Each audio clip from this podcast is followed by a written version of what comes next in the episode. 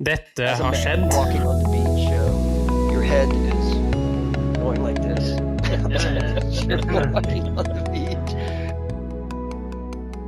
Generation X versus Z. Sandberg Productions presenterer Den ekte samtalen om og med generasjon X og Z. Hold deg fast og nyt. Hei, hei, kjære lytter, og hjertelig velkommen til dagens episode av Generation X versus Z. Og i dag så skal vi inn i de kriminelles verden. I eh, del tre i serien på fem deler om USA. Vi skal også en svipptur innom Norge som lovt i forrige uke. Eh, Og kjære kompanjong Yes, sir. Du er jo veldig glad i uh, det kriminelle hjørnet, da, for å si det på den måten. Ja, det er Ja, så det er flere også som, som syns det er veldig fascinerende. Ja da. Eh, vi skal jo også innom Norge, som eh, sagt tidligere. Ja. Eh, hva tror du eh, skjedde der? Nei, jeg tenker at det var en som flytta ut fra Norge og inn i USA, som vi skal høre mer om, tenker jeg. Ja da, vi skal det. Vi skal eh, høre nå faktisk om eh, Brynhild Paulsdatter Størseth. Ja vel. Introduser henne, og kjør en vanvittig klipp nå, gutten min. Så introduksjonen hennes er veldig enkel og grei. Det var en dame født i 1859 i Selbu i Trøndelag. Hun tok da båten over 1888 til USA eh, på oppfordring fra søstera og svogeren. Du ville ha henne vekk, altså. Nei, de ville ha henne dit. Du ville ha henne ti- til USA. Ja, fordi de allerede bodde der, og okay. de syntes det var veldig gode levekår. da. Ja, ok. Eh, og det her var jo på en tid hvor Norge var veldig fattig. Så hun tok jo tilbudet imot. Eh, tok imot billetten og etablerte seg der. Rimelig greit. Eh, gifta seg, fikk barn etter et par år. Og det som fulgte, det var at hun drepte både eh, flere ektemenn og noen av barna. Uff, jeg blir svett bare du eh, sier det, gutten min. Men hvorfor tror du det? Du må være klikk. Nei. Penger. Penger, ja. Ja, men uansett, når du dreper dine egne barn, i hvert fall, så er det er klikk oppi huet. altså. Ja, det er det mange som har gjort. Eh, Mange har drept sine egne barn litt fordi de var drittlei barna sine, eller fordi de var irriterende, eller kanskje pga. penger også. Hva vet jeg? Men uh, nå vi skal uh, høre et klipp fra True Crime Poden om Brynhild Paulsdatter Størseth. Advarsel. Denne podkasten inneholder skildringer av ekte drap og kriminalsaker som kan være støtende for enkelte. Det advares også mot sterke inntrykk i deler av episoden. Vi har alle drømmer som vi ønsker å oppnå. Noen vil bli filmstjerner, artister, og andre drømmer om å bli kjæreste med en spesiell person. Eller å komme inn på drømmestudiet, kanskje reise verden rundt. Noen har store drømmer for andre, som å hjelpe flest mulig i løpet av livet, eller å redde liv. Innimellom drømmer vi kanskje bare om at helgen skal komme. Så finnes det mennesker som kun tenker på seg selv. Nå tenker jeg ikke på å ta det største kakestykket eller den beste plassen i sofaen. Jeg tenker på folk som utnytter andre. Som er villige til å gå over lik for å oppnå drømmene sine koste hva det koste vil. Her er historien om en av de verste kvinnelige seriemorderne jeg vet om, og hun var norsk. Her er historien om Bell Gunness. Velkommen til True Crime Podden.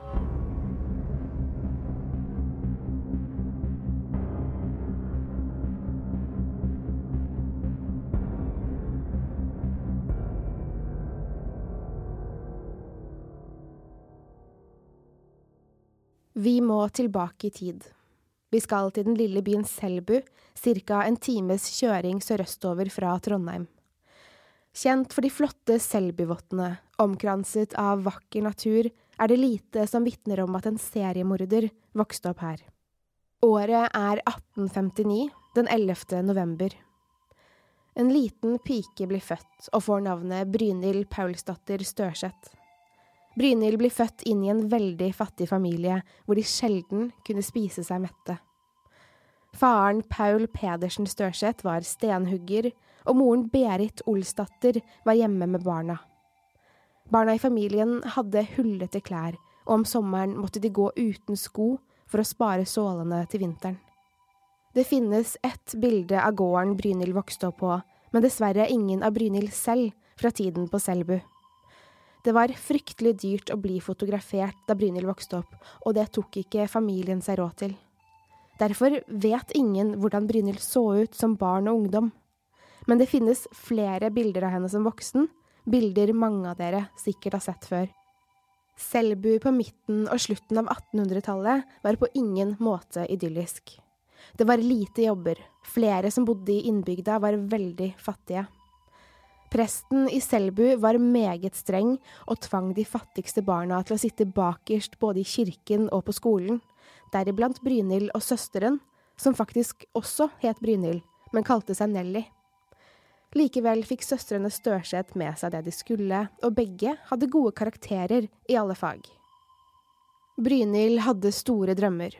Hun ønsket så gjerne å bli rik, slik at også hun kunne gå i pene klær og spise god mat. Som kvinne var det ikke lett å tjene penger selv, i alle fall ikke så mange penger som Brynhild ønsket seg. En ting man kunne gjøre, var å gifte seg rikt. Brynhild ville prøve dette, og allerede som ung tenåring begynte hun å treffe gutter. Hun var tidlig utviklet og veldig høy, så Brynhild gikk for å være eldre enn det hun egentlig var.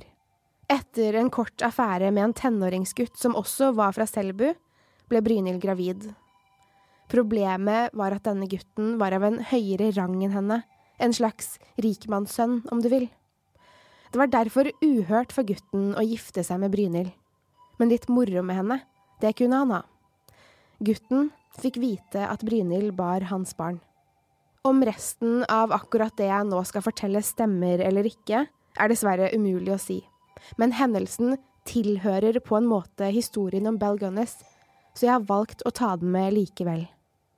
Grunnen til det er at jeg tror hendelsen definerte resten av Brynhilds liv. Og den går slik. Brynhild fortalte denne rikmannssønnen at hun ventet barn med han. Det ble ikke godt mottatt, og han bestemte seg for å gjøre noe med graviditeten. Gutten lurte Brynhild til seg og sparket henne i magen flere ganger. Brynhild begynte å blø kraftig. Gutten sparket henne igjen og igjen. Til slutt døde barnet i magen, og rikmannssønnens lille problem var løst. Mange artikler og bøker om Bell Gunness forteller om at Brynhild forandret seg etter denne hendelsen. Hun forandret personlighet. Det sies også at denne rikmannssønnen døde en liten tid etter at Brynhild mistet barn i magen, og at han kan ha vært den etter hvert så beryktede seriemorderens første offer. Om det stemmer, får vi nok aldri vite. Men at Brynhild mistet barnet, det stemmer i alle fall. Etter å ha mistet sitt ufødte barn, tok Brynhild seg jobb som tjenestepike på en større gård. Hun jobbet og slet, og drømmen om rikdom ble større og større. Hun ville noe mer enn å bare jobbe for andre. Brynhild brevvekslet med søsteren Nelly, som hadde emigrert til Amerika sammen med ektemannen sin, en kunstmaler fra Nord-Norge. Nelly fortalte om det nye landet, hvor stort alt var, og at det fantes jobb til Brynhild om hun ønsket det. Og det gjorde hun. Etter mer enn to år som tjenestepike på gården, kjøpte søsteren Nelly og mannen en båtbillett til Brynhild. Båten Tasso skulle ta henne og mange andre håpefulle nordmenn til mulighetenes land, Amerika.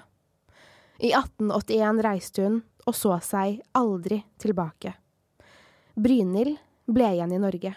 Fra nå av het hun Bell. Det å reise til et ukjent land, faktisk et ukjent kontinent som ung kvinne, var ikke lett. Brynhild snakket ikke språket, og kjente egentlig ingen andre enn søsteren og ektemannen hennes. Kvinner, særlig de enslige, som reiste over til Amerika, fikk beskjed om å være forsiktige når de skulle ferdes utendørs.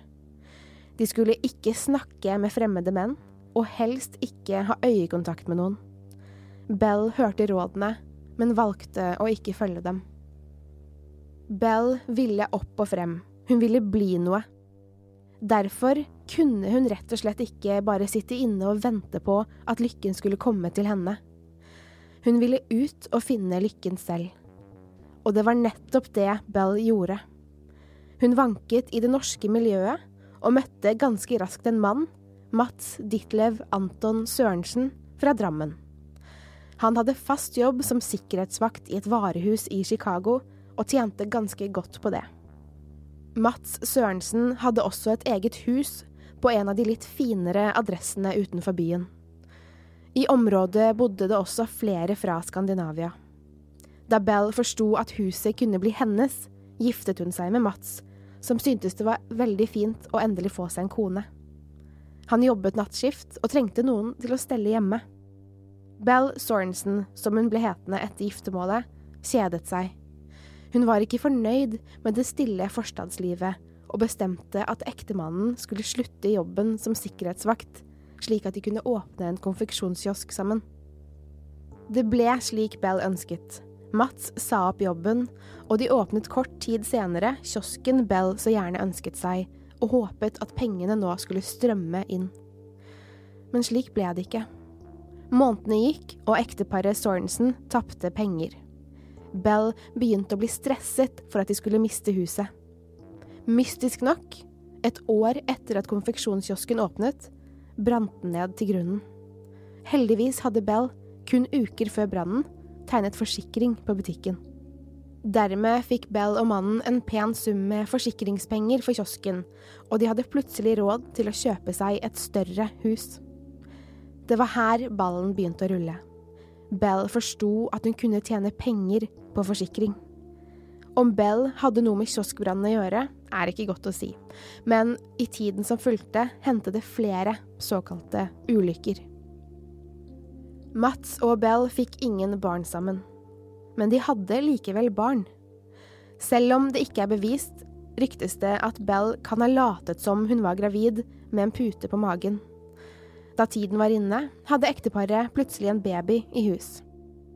Ekteparet adopterte også flere barn, og hadde noen hos seg som fosterbarn. Utad så Bell ut som verdens snilleste dame. Barna Caroline, Axel, Lucy og Myrtle så ut til å ha det godt, men dessverre levde ikke barna hennes lenge. Ekteparet adopterte flere barn, og hadde noen hos seg som fosterbarn. Som spedbarn døde både Caroline og Axel med noen års mellomrom. Begge babyene hadde høy feber, oppkast, diaré og tilsynelatende smerter, noe som kan ligne på symptomer man får ved forgiftning. Bell hadde forsikret barna og fikk forsikringspenger for begge to.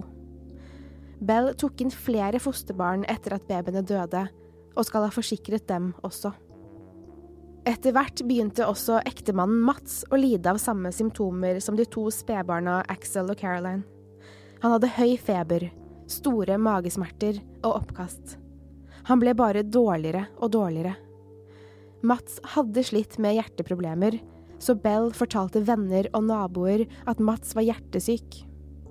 Den 30. juli 1900 døde Mats, og allerede dagen etter begravelsen søkte Bell om å få utbetalt forsikringspenger. Siden dødsfallet ikke var mistenkelig på det tidspunktet, fikk Bell ut nesten 8500 dollar, som var veldig mye penger. For pengene kjøper Bell seg en gård i LaPorte, Indiana. Gården er stor, og hun har god plass. Bell er på dette tidspunktet en ganske rik kvinne, men hun er fortsatt ikke fornøyd. Bell Sorensen er enke og trenger en mann. Hun møter norskættede Peter Gunnes, en enkemann som har penger og en liten datter. Peter og Bell gifter seg i 1902, kort tid etter at de møtes. Bare et par uker etter bryllupet dør Peters lille datter uventet. Hun var alene i huset med Bell da det skjedde. Ingen vet hvordan den lille jenta døde. Peter var knust etter å ha mistet både kona og datteren i løpet av kort tid.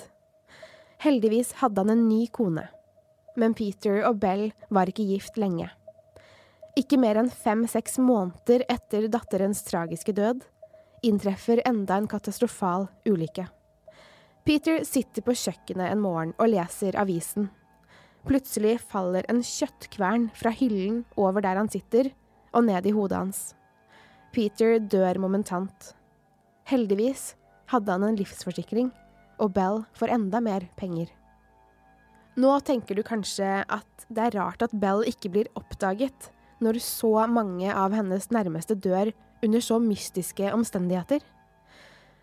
Det var kanskje derfor Bell flyttet til en by i en annen stat, for folk begynte faktisk å bli mistenksomme i Chicago.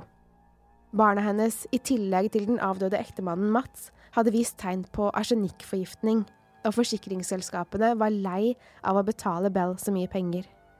Men i Indiana visste ingen hvem hun var. Enda. Naboene, så vel som Peters venner og bekjente, trodde ikke på historien Bell serverte dem. Derfor begjærte de obduksjon av han, og rettslegen konstaterte at Peter Gunnes var drept med flere slag i hodet.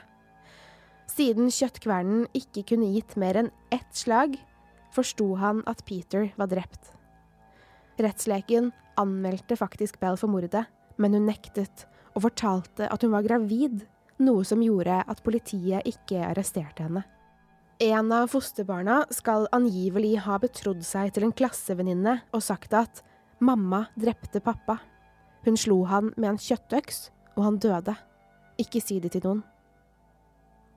Jenta nektet senere for å ha sagt det, og forsvant sporløst en tid senere. Bell fortalte venner at hun var sendt bort en periode til noen slektninger, men dessverre var jenta død. De neste årene skriver Bell kontaktannonser og utgir seg for å være en rik enke som trenger enten en ektemann eller arbeidere på gården. Hun lover mennene god lønn og et godt liv, og mange håpefulle reiser til den gjestfrie kvinnen i Laporte. Dessverre forsvinner nesten alle mennene sporløst. Ingen av dem blir sett igjen etter at de tar jobb eller flytter inn hos Bell Gunness. Bell sjarmerer mange av mennene som svarer, særlig de eldre som viser seg å ha penger. Hun får dem til å testamentere formuene sine til henne, og etter hvert dør eller forsvinner mennene. Bell sitter igjen med en stor formue. Slik holdt hun på i flere år. En mann Bell hadde ansatt, Ray, gjorde alt Bell sa. Han forelsket seg i henne, og lydig hjalp han henne med å grave i hagen, passe stallen og lage mat. Ray lot merke til alle mennene som kom til gården, og begynte å bli sjalu. Han forsøkte å snakke med Bell om at han ikke likte alle mennene som var på gården hele tiden, men Bell ble sint. Hun ville ikke høre på han. Ray ble også sint og gjorde opprør mot Bell. På grunn av det fikk han sparken, men fortsatte å møte opp på gården. Bell fikk han arrestert flere ganger for plagsom oppførsel. Den 28. april 1908 gjør en bonde seg klar til en ny dag. Han koker kaffe og henter seg litt mat. Bonden legger merke til en lukt, men han kan ikke helt sette fingeren på hva det er. Han fortsetter morgenrutinene, men lukten øker i intensitet. Kanskje det er Bell Gunness som steker frokost, tenker han. Han ser ut av vinduet og tror nesten ikke sine egne øyne. Gården til Bell står i full fyr, den er overtent. Flere naboer, og senere brannmenn og politi, stormer til for å prøve å slukke flammene. De ser etter Bell og barna, men finner ingen. Gården til Bell Gunness brenner helt ned til grunnen. Kun pipen står igjen, og politi og naboer leter gjennom de forkullede restene av det som en gang var et hjem. I det som var kjelleren på huset, ligger de tre små, ihjelbrente lik. Det viser seg dessverre at de tre likene var Bell sine barn, Lucy, Myrtle og lille Philip, som Bell angivelig fikk med den avdøde Peter Gunness. I kjelleren, ved siden av de tre barnelikene, finner de også liket av en hodeløs kvinne. Hun er selvfølgelig ikke til å kjenne igjen etter de voldsomme brannskadene, men politiet tror det kan være Bell. Men uten hode. Man kan riktignok få massive skader som følge av brann, derimot mister man ikke hodet. Kvinnen er drept. Men er det egentlig Bell som ligger der død? Hadde noen drept henne? Naboer er usikre. Politiet er usikre. Ingen vet helt hva de skal tro. Er det Bell som er død, eller har hun tent på gården selv og forsvunnet? Politiet i LaPorte, Indiana starter en etterforskning. De spør naboer om de har observert noe merkelig, men ingen kan si å ha gjort det. Uh, Henrik, Ja. er det mulig? Det var skikkelig grotesk eh, Ja, greia, altså. Altså er liksom veien fra Selbu da, Ja. til uh, indianerne. Ja. Det er uh, helt sykt. Kan man da slå fast for en gang for alle, det var ikke alle som hadde gode hensikter, som kanskje ikke var så veldig gode velgjørere når de kom til uh, USA? Ja, altså hun er jo den dag i dag også anerkjent som en av landets verste selvmordere. Men eh, skal vi gå fort forbi henne, eller? Ja, vi går fort forbi henne, og så går vi eh, over til hennes mannlige motpart. Hvem var det, Henrik? Ted Bundy. Oh yeah, Ted Bundy, ja. En liten intro først, eller? Eh, ja, han eh, var jo da selvfølgelig en veldig pent utseende mann. Han så veldig fin ut. Virka på innsiden eh, som en veldig karismatisk og snill mann. Men det var jo ikke det. Han var jo nekrofil eh, av natur, og ja Han hadde en sexdrift som eh, var veldig uortodoks, kan man trygt si. Og det han ender opp med å skylde det på, var pornografi. Ja, kan vi si det sånn at eh, også Ted Bundy var eh, USAs mest kjente seriemorder? Ja, mannlige seriemordere, i hvert fall. Ja. Eh, Det kan vi si. Eh, nå tenkte jeg vi skal få høre et intervju han da gir en eh, familieterapeut okay. rett før han skulle bli henrettet. Å ja. Ja, ok. La oss høre. Gjerne det. Ted, it is uh, about 2.30 in the afternoon. You are scheduled to be executed tomorrow morning at 7 o'clock if you don't receive another stay. What is going through your mind? What thoughts have you had in these last few days? Well, I won't kid you to say that it's something that I feel that I am in control of or something that I've come to terms with, because I haven't. It's a moment by moment thing. Sometimes I feel very tranquil, and other times uh, I don't feel tranquil at all. Um, what's going through my mind right now is to use the minutes and hours that I have left as fruitfully as possible and see what happens. Uh, it helps to to live in the moment in the in the essence that we use it productively. So I'm right now I'm feeling calm and in, in large part because I'm here with you. For the record, you are guilty of killing many women and girls. Is yes. correct? Yes, that's true. Ted, how did it happen? Take me back. What are the antecedents of the behavior that we've seen? Uh, so much grief, so much sorrow, so much pain for so many people. Where did it start? How did this moment come about?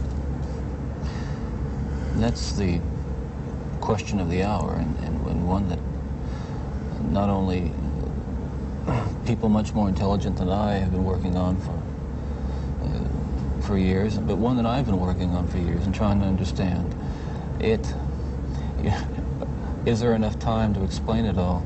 Uh, I don't know. I think I understand it though. Understand what happened to me uh, to the extent that I, I I can see how certain feelings and ideas uh, developed in me to the point where I began to act out on them. Certain very violent and very destructive feelings. Right, let, let's go back then to those roots. First of all, you, as I understand it, were raised in what you consider to have been a healthy home. Absolutely. You were not physically abused. You were not sexually abused. You were not emotionally abused. No, no way. I and that's part of the tragedy of this whole situation is because I grew up in a wonderful home with two dedicated and loving parents, uh, one of uh, five brothers and sisters. A home where we as, our, as children were the focus of, of my parents' lives, where we regularly attended church, uh, two Christian parents who did not drink, they did not smoke, there was no gambling, there was no physical abuse or fighting in the home. I'm not saying this was leave it to beaver. It wasn't a perfect home. Well, no, I don't know that such a home exists, but it was a fine, solid Christian home, and nobody, uh, uh, I hope no one will try to take the easy way out and to try to blame or otherwise accuse my, uh, my family of contributing to this because uh, I know, and I'm trying to tell you as honestly as I know how, what happened, and I think this is a message I want to get across.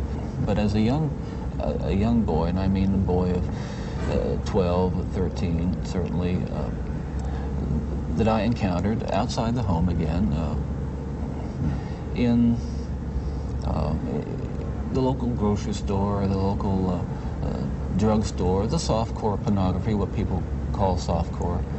Um, but as I think I, I explained to you last night, Dr. Dobson, in an anecdote, as young boys do, we explored the the back roads and sideways and byways of our neighborhood, and oftentimes people would dump the garbage and whatever they were cleaning out of their house, and from time to time we'd come across uh, pornographic books of a harder nature than uh, more uh, graphic, you might say, more explicit nature than we would encounter, let's say, in your local grocery store. And this also included such things as, let's say, detective magazines and uh, more hard Those that involve violence. then. Yes, yes, and I, I, I and this is something I think I want to emphasize is the the the, the most damaging uh, uh, kinds of pornography. And my again, I'm talking from personal experience, uh, hard, real personal experience. The most damaging kinds of pornography are those that involve violence uh, and sexual violence. Because the wedding of those two forces, as, as I know only too well, brings about behavior that is just uh, is just uh, too terrible to describe. Now, walk me through that. What was going on in your mind at that time? Okay, before we go any further, I think you know, it's important to me, and, uh, and that people that people believe what I'm saying to tell you that that I'm not blaming pornography and not saying that it caused me and, and to go out and do certain things. That I take full responsibility for whatever I've done and all the things that I've done. That's not the question here. The question and, and, and the issue is how this kind of literature contributed and helped mold and, and shape the kinds of violent behavior. It fueled your fantasies, didn't? Well, in, in the beginning, it fuels this kind of thought process. Then, it, at a certain time, it's instrumental in what I would say crystallizing it, make it in, making it into something which is almost like a separate entity inside. And that in, at that point, you're at the verge, or I was at the verge of acting out on this on this kind of these kinds of thoughts. Now, I really want to understand that. You had gone about as far as you could go in your own fantasy life Mm-hmm. with printed material. And you made or printed and video or film Pho- or film, photos, magazines, yeah. what have you. And and then there was the urge to take that little step or big step over to a physical Right. uh, event. and it happens it, it happened in stages gradually it doesn't necessarily not to me at least happen overnight my experience with i'd say pornography generally but with pornography that deals on a violent level with sexuality um, is that once you become addicted to it and i look at this as a kind of addiction uh, like other kinds of addiction of addiction you keep i would keep looking for more potent, more explicit, more It's graphic progressive. kinds of material. Like an addiction, you keep craving something which is harder, harder, something which which gives you a greater uh, sense of, of, of uh, excitement. Until you reach the point where the pornography only goes so far. You reach that jumping off point where you begin to wonder if, if maybe actually doing it will give you that which is beyond just reading about it or looking at it. How long did you stay at that point before you actually assaulted someone? Well, yeah, you see, that is a very delicate point in my own development. And we're talking about something, we're talking about having reached a point or uh, a, a, gray area that surrounded that point over a course of, you don't remember years. How long that Well, was? I, I would say, I would say a couple years. And what was I was dealing with there were very strong inhibitions against criminal behavior or violent behavior that had been conditioned into me, bred into me in my environment, in my neighborhood, in my church, uh, in my school. Um, things which said, no, this is wrong. I mean, just, I mean, even to think of it is wrong, but certainly to do it is wrong. And you're on, I'm on that edge, and these, the last, the, the, you might say, the last vestiges of restraint. Uh, the barriers to actually doing something were being tested constantly and assault, uh, assailed um, through the kind of fantasy life that was fueled largely by pornography. Do you remember what pushed you over that edge? Do you remember well, the decision to go for it? Do you remember where you decided to throw caution to the wind?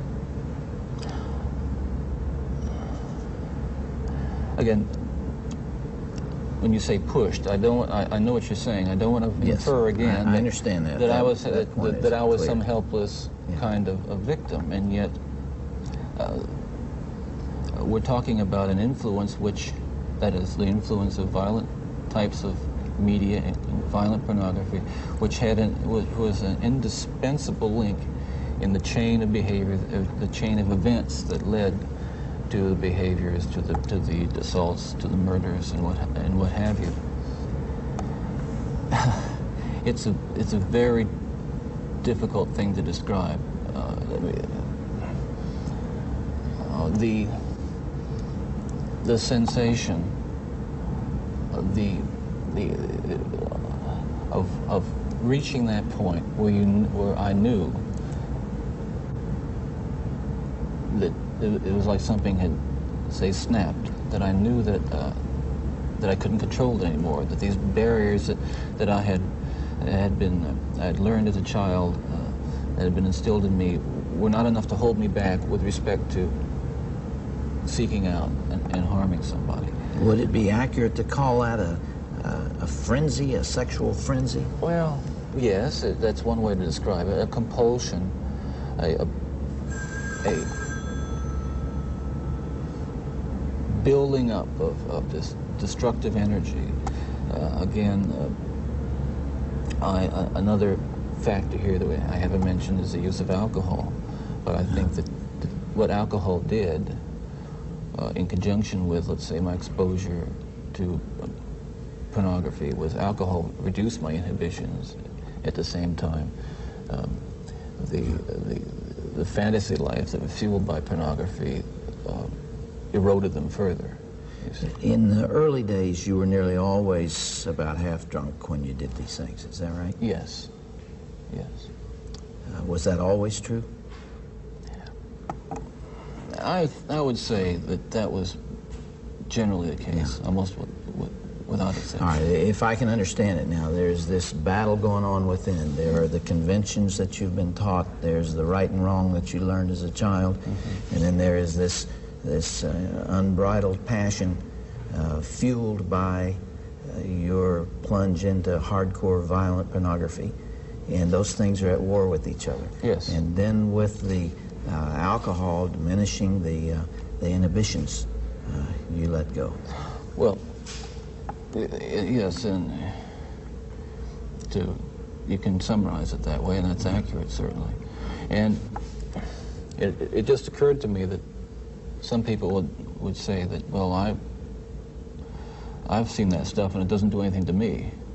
And I can understand that. I don't, virtually everyone uh, can be exposed to so-called pornography, and while they're aroused to it to one degree or another, and not go out and do anything wrong. Well, addictions are like that. They affect some Yeah. people more than they affect others. Well, but there is a percentage of people affected by hardcore pornography in a very violent way, and you're obviously one of them. That was a major component, and I don't know why I was vul- uh, vulnerable to it. All I know is that, uh, that, it, uh, that it had an, an impact on me uh, that was just so uh, central to the development of the violent behavior that I engaged in. Ted, after you committed your first murder, what was the emotional effect on you? What happened in the days after that?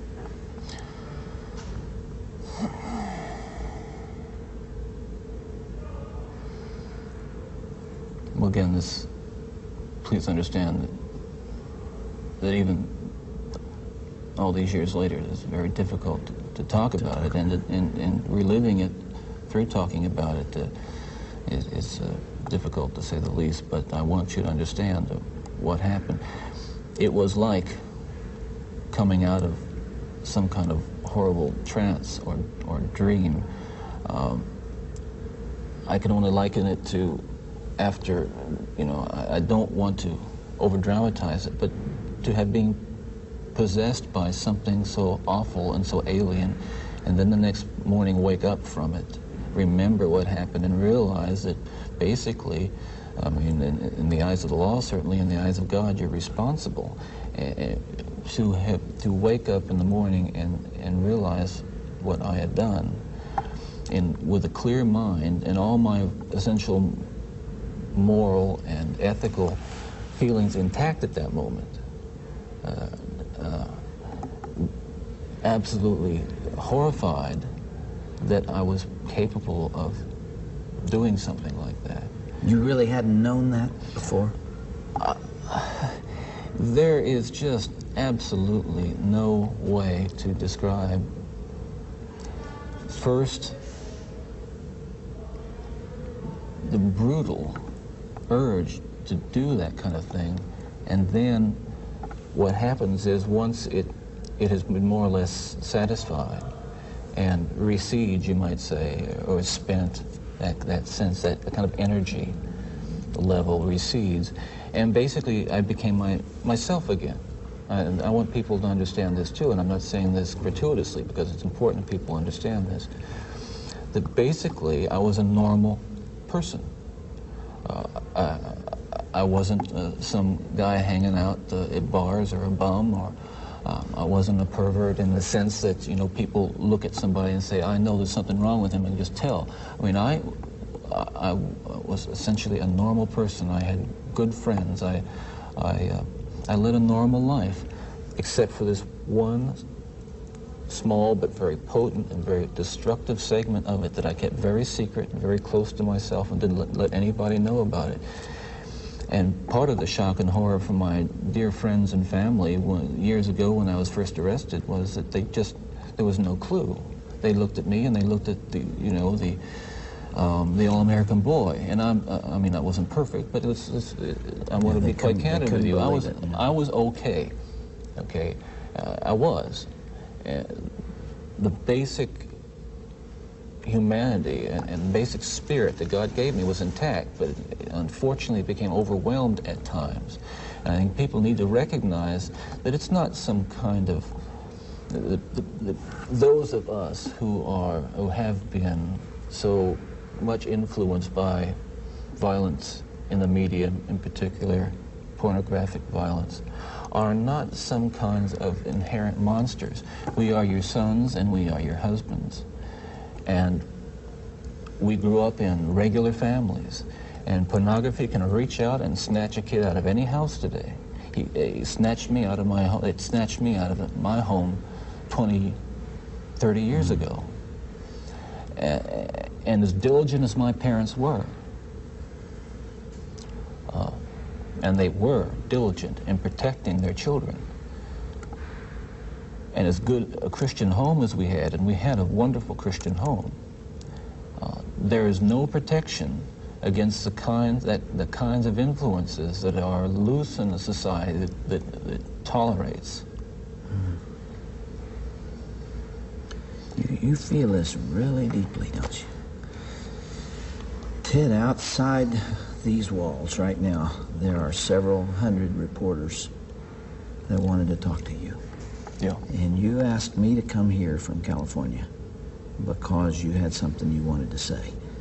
This hour that we have together uh, is not just an interview with a man who's scheduled to die tomorrow morning. I am here and you're here because of this message that you're talking about right here. You really feel that hardcore pornography and the doorway to it, softcore pornography, is doing untold damage to other people and causing other women to be abused and killed the way you did others. Listen, I'm no social scientist, and I haven't done a survey. I mean, I, I don't pretend that I know what John Q. Citizen thinks about this. but I've lived in prison for a long time now. And I've met a lot of men who were motivated to commit violence just like me. And without exception, every one of them was deeply involved in pornography without question, without exception, deeply influenced and consumed by an addiction to pornography. There's no question about it. The FBI's own study on serial homicide shows that the most common interest among serial killers is pornography. That's true. And it's, and it's real. It's true.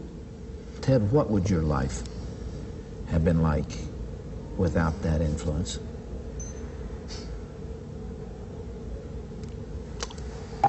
You can only speculate. Yeah.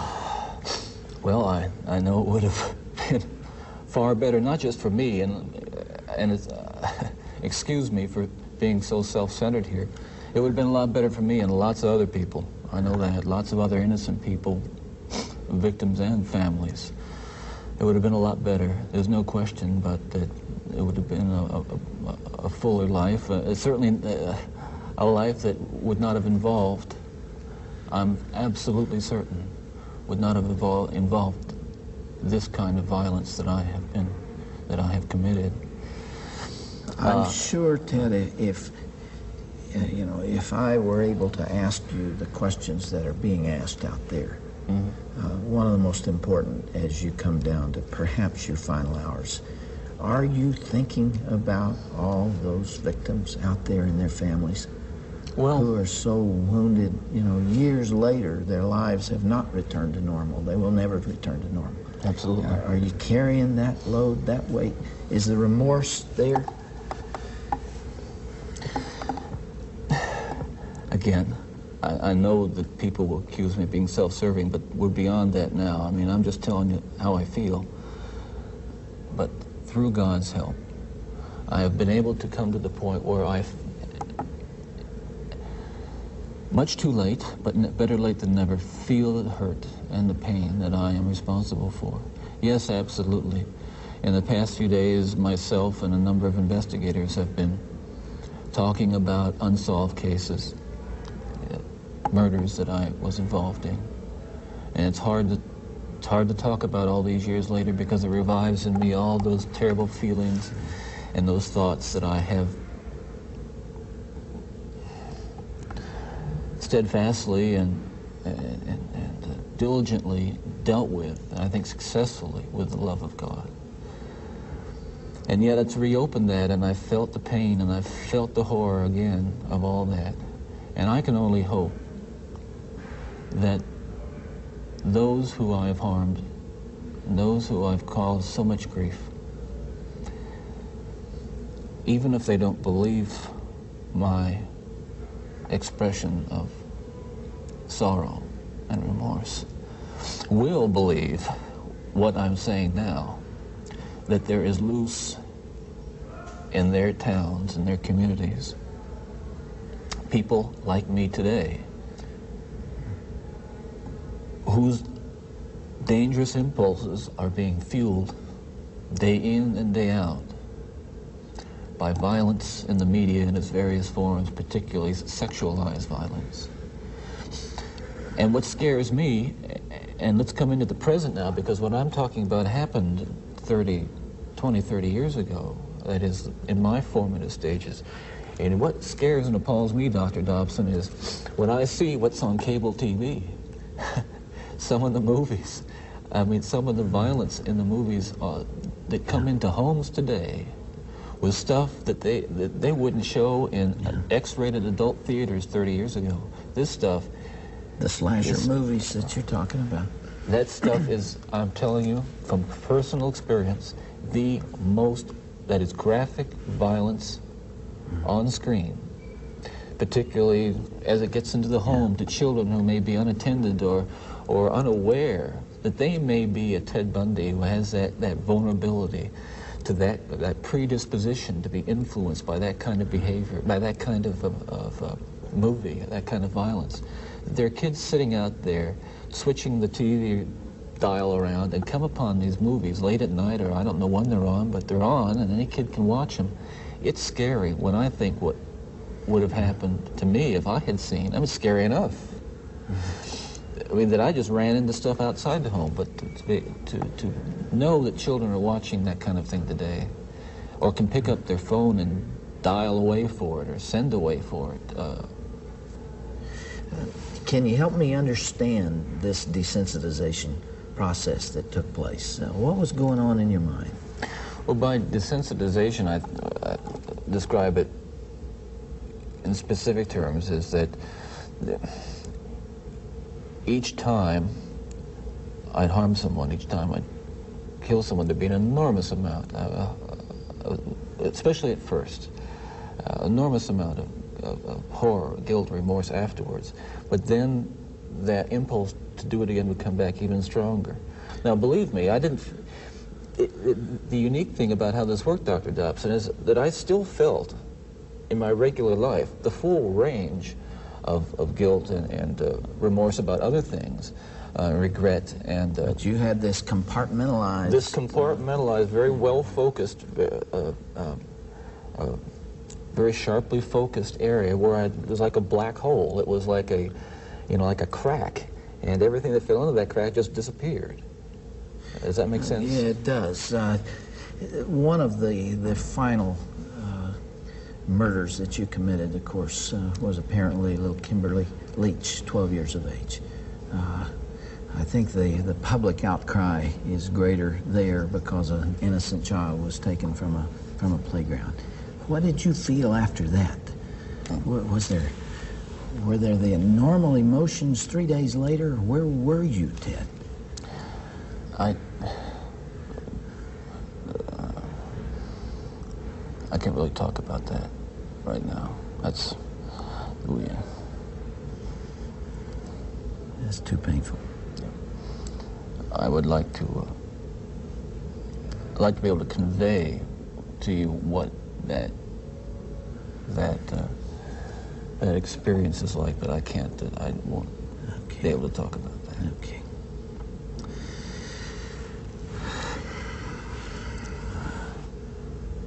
I can't begin to understand. Well, I can try, but I'm, I'm aware that I can't begin to understand the pain that the parents of these of these children that I have and these young women that I have harmed feel. And I can't restore really much to them, if anything.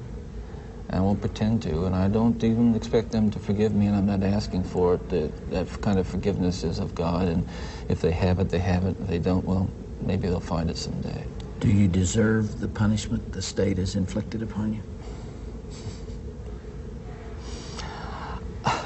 That's a very good question, and I'll answer very, very honestly. I, I don't want to die. I'm not going to kid you. I'll kid, kid you not. Um, I deserve certainly the, the most extreme punishment society has, and I deserve. I think society deserves to be protected from me and from others like me. That's for sure. Um, I think what I what I hope will come of our discussion is I think society deserves to be protected from itself because because as we as, as we've been talking there are there are forces at loose in in, in this country particularly again uh, this kind of violent uh, pornography, uh, where, on the one hand, well-meaning, decent people will condemn behavior of a Ted Bundy while they're walking past a, a, a magazine rack full of the very kinds of things that send young kids down the road to be Ted Bundys. That's the irony. We're talking here not just about more. We're talking. I'm, what I'm talking about is going beyond retribution, which is what people want with me. Going beyond retribution and punishment, because there is no way in the world that killing me is going to restore uh, those beautiful children to their parents and, and, and correct and, and, and, and soothe the pain. But I'll tell you, there are lots of other kids playing in streets around this country today who, who are going to be dead tomorrow and the next day and the next day and next month because other young people are reading the kinds of things and seeing the kinds of things that are available in the media today. Ted, as you would imagine, there's tremendous cynicism about you on the outside, and I suppose for good reason. Uh, I'm not sure that there's anything that you could say that people would uh, would believe. Some people would believe. Yeah. And uh, and yet, you told me last night, and I have heard this through our mutual friend John Tanner, that you have uh, accepted the forgiveness of Jesus Christ and uh, are a follower and a believer in Him. Do you draw strength from that uh, as you approach these final hours? I do. I can't say that uh, It's going to be being easy. in the, the valley of the shadow of death is, is something that I've become all that accustomed to, and that I'm, you know, and that I'm strong and uh, uh, nothing's bothering me. Uh, listen, it's no fun. It's it's it, you know it's it's uh, it's gets kind of lonely, and yet I have to remind myself that every one of us. Uh, will go through this someday in one way or another. and, and countless uh, millions who have walked this earth before us have. So this is just an experience which we all share, and Yeah. here I am. Eh, Ja, Ja, Henrik. Vedkommende må jo være for det første kling gæren. ja, han eh, var jo det. Han eh, gikk jo rundt da, på strender og sånne ting, og eh, med armen i fatle. Eh, for å late som han var skada, osv. Ja. Eh, han eh, plukka også opp eh, kvinnelige haikere, for da å drepe dem. Men eh, nå skal vi til hans eh, kvinnelige det versjon, da. Kan du fortelle hva, hva det er for noe? Nei, også, hun påsto at hun drepte i nødverge. Jaha. Hva drepte hun? Eh, Hvem drepte hun? Eh, Hvorfor? Hun var prostituert. Og hun mente da på at hun ble voldtatt av disse kundene. da. Ok. Og hun møtte da sin skaper i oktober 2002. Skal vi høre litt om henne nå, fra True Crime. Kjør på. Takk. Advarsel.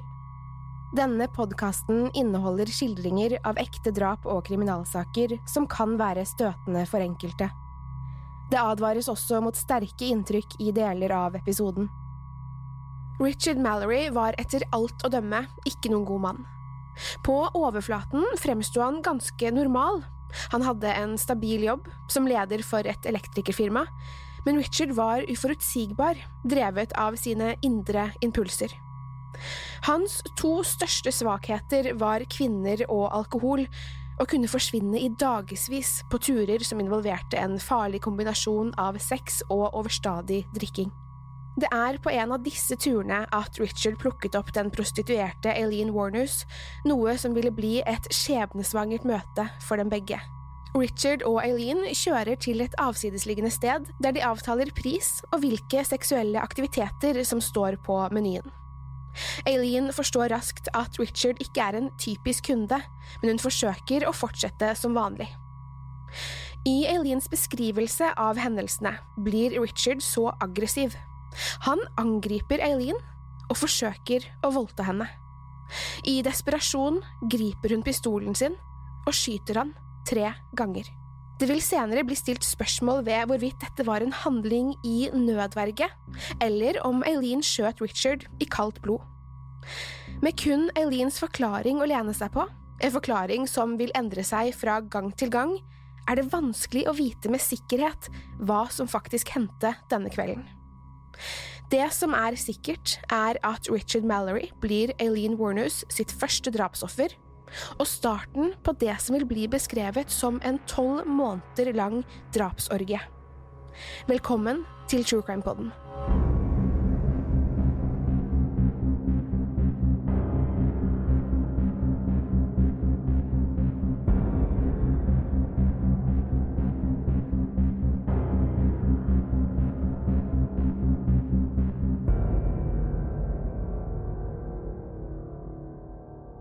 Eileen Warnus blir født i byen Troy i Michigan den 29. februar 1956. Barndommen hennes var mildt sagt kaotisk, og det var nok aldri videre håp om et normalt liv for Eileen. Moren hennes, Diane Warnos, var bare 15 år og allerede skilt fra Eileens far, Leo Dale Pittman, da Eileen ble født. Eileen møtte aldri faren sin, men dette var neppe noe stort tap, da Leo Pittman antageligvis heller ikke ville hatt noen god påvirkning på unge Eileen. Han ble beskrevet som en sosiopat. Han satt fengslet for overgrep mot barn, og det var til slutt i et fengsel han endte livet sitt. Fraværet av hennes ustabile far var likevel ikke nok til å skape forsvarlige omstendigheter for unge Eileen. Moren hennes taklet heller ikke ansvaret som krevdes for å ta seg av Aileen og hennes bror, og overlot oppdragelsen til Aileens besteforeldre, Laurie og Britta Warnus. Livet med besteforeldrene ble heller ingen trygg havn for Aileen. Bestefaren Laurie drakk tett og var streng med barna. Terget de ham skikkelig, var han ikke fremmed for å straffe dem fysisk med beltet sitt. I mange tilfeller innebar dette, ifølge Eileen, at hun måtte ta av seg alle klærne mens han pisket henne med belte. Senere involverte dette også seksuelle overgrep. Faktisk ville ikke Eileen lære at Laurie og Britta ikke var hennes biologiske foreldre før hun var i tenårene. Dette ledet henne inn i en enda mer opprørsk retning. Innen den tid hadde Eileen begynt å utforske sin seksualitet, og hun var seksuelt aktiv allerede som elleveåring. Mye tyder på at Eileen aldri hadde et normalt forhold til seksualitet, og etter sin arrest påstår hun til og med at hun hadde hatt sex med broren sin, Keith. Eileen blir gravid bare 14 år gammel, angivelig med en venn av bestefaren som forgrep seg på henne. Hun føder en sønn, som umiddelbart blir adoptert vekk. Herfra spinner livet virkelig ut av kontroll for unge Eileen, som etter dette også slutter på skolen.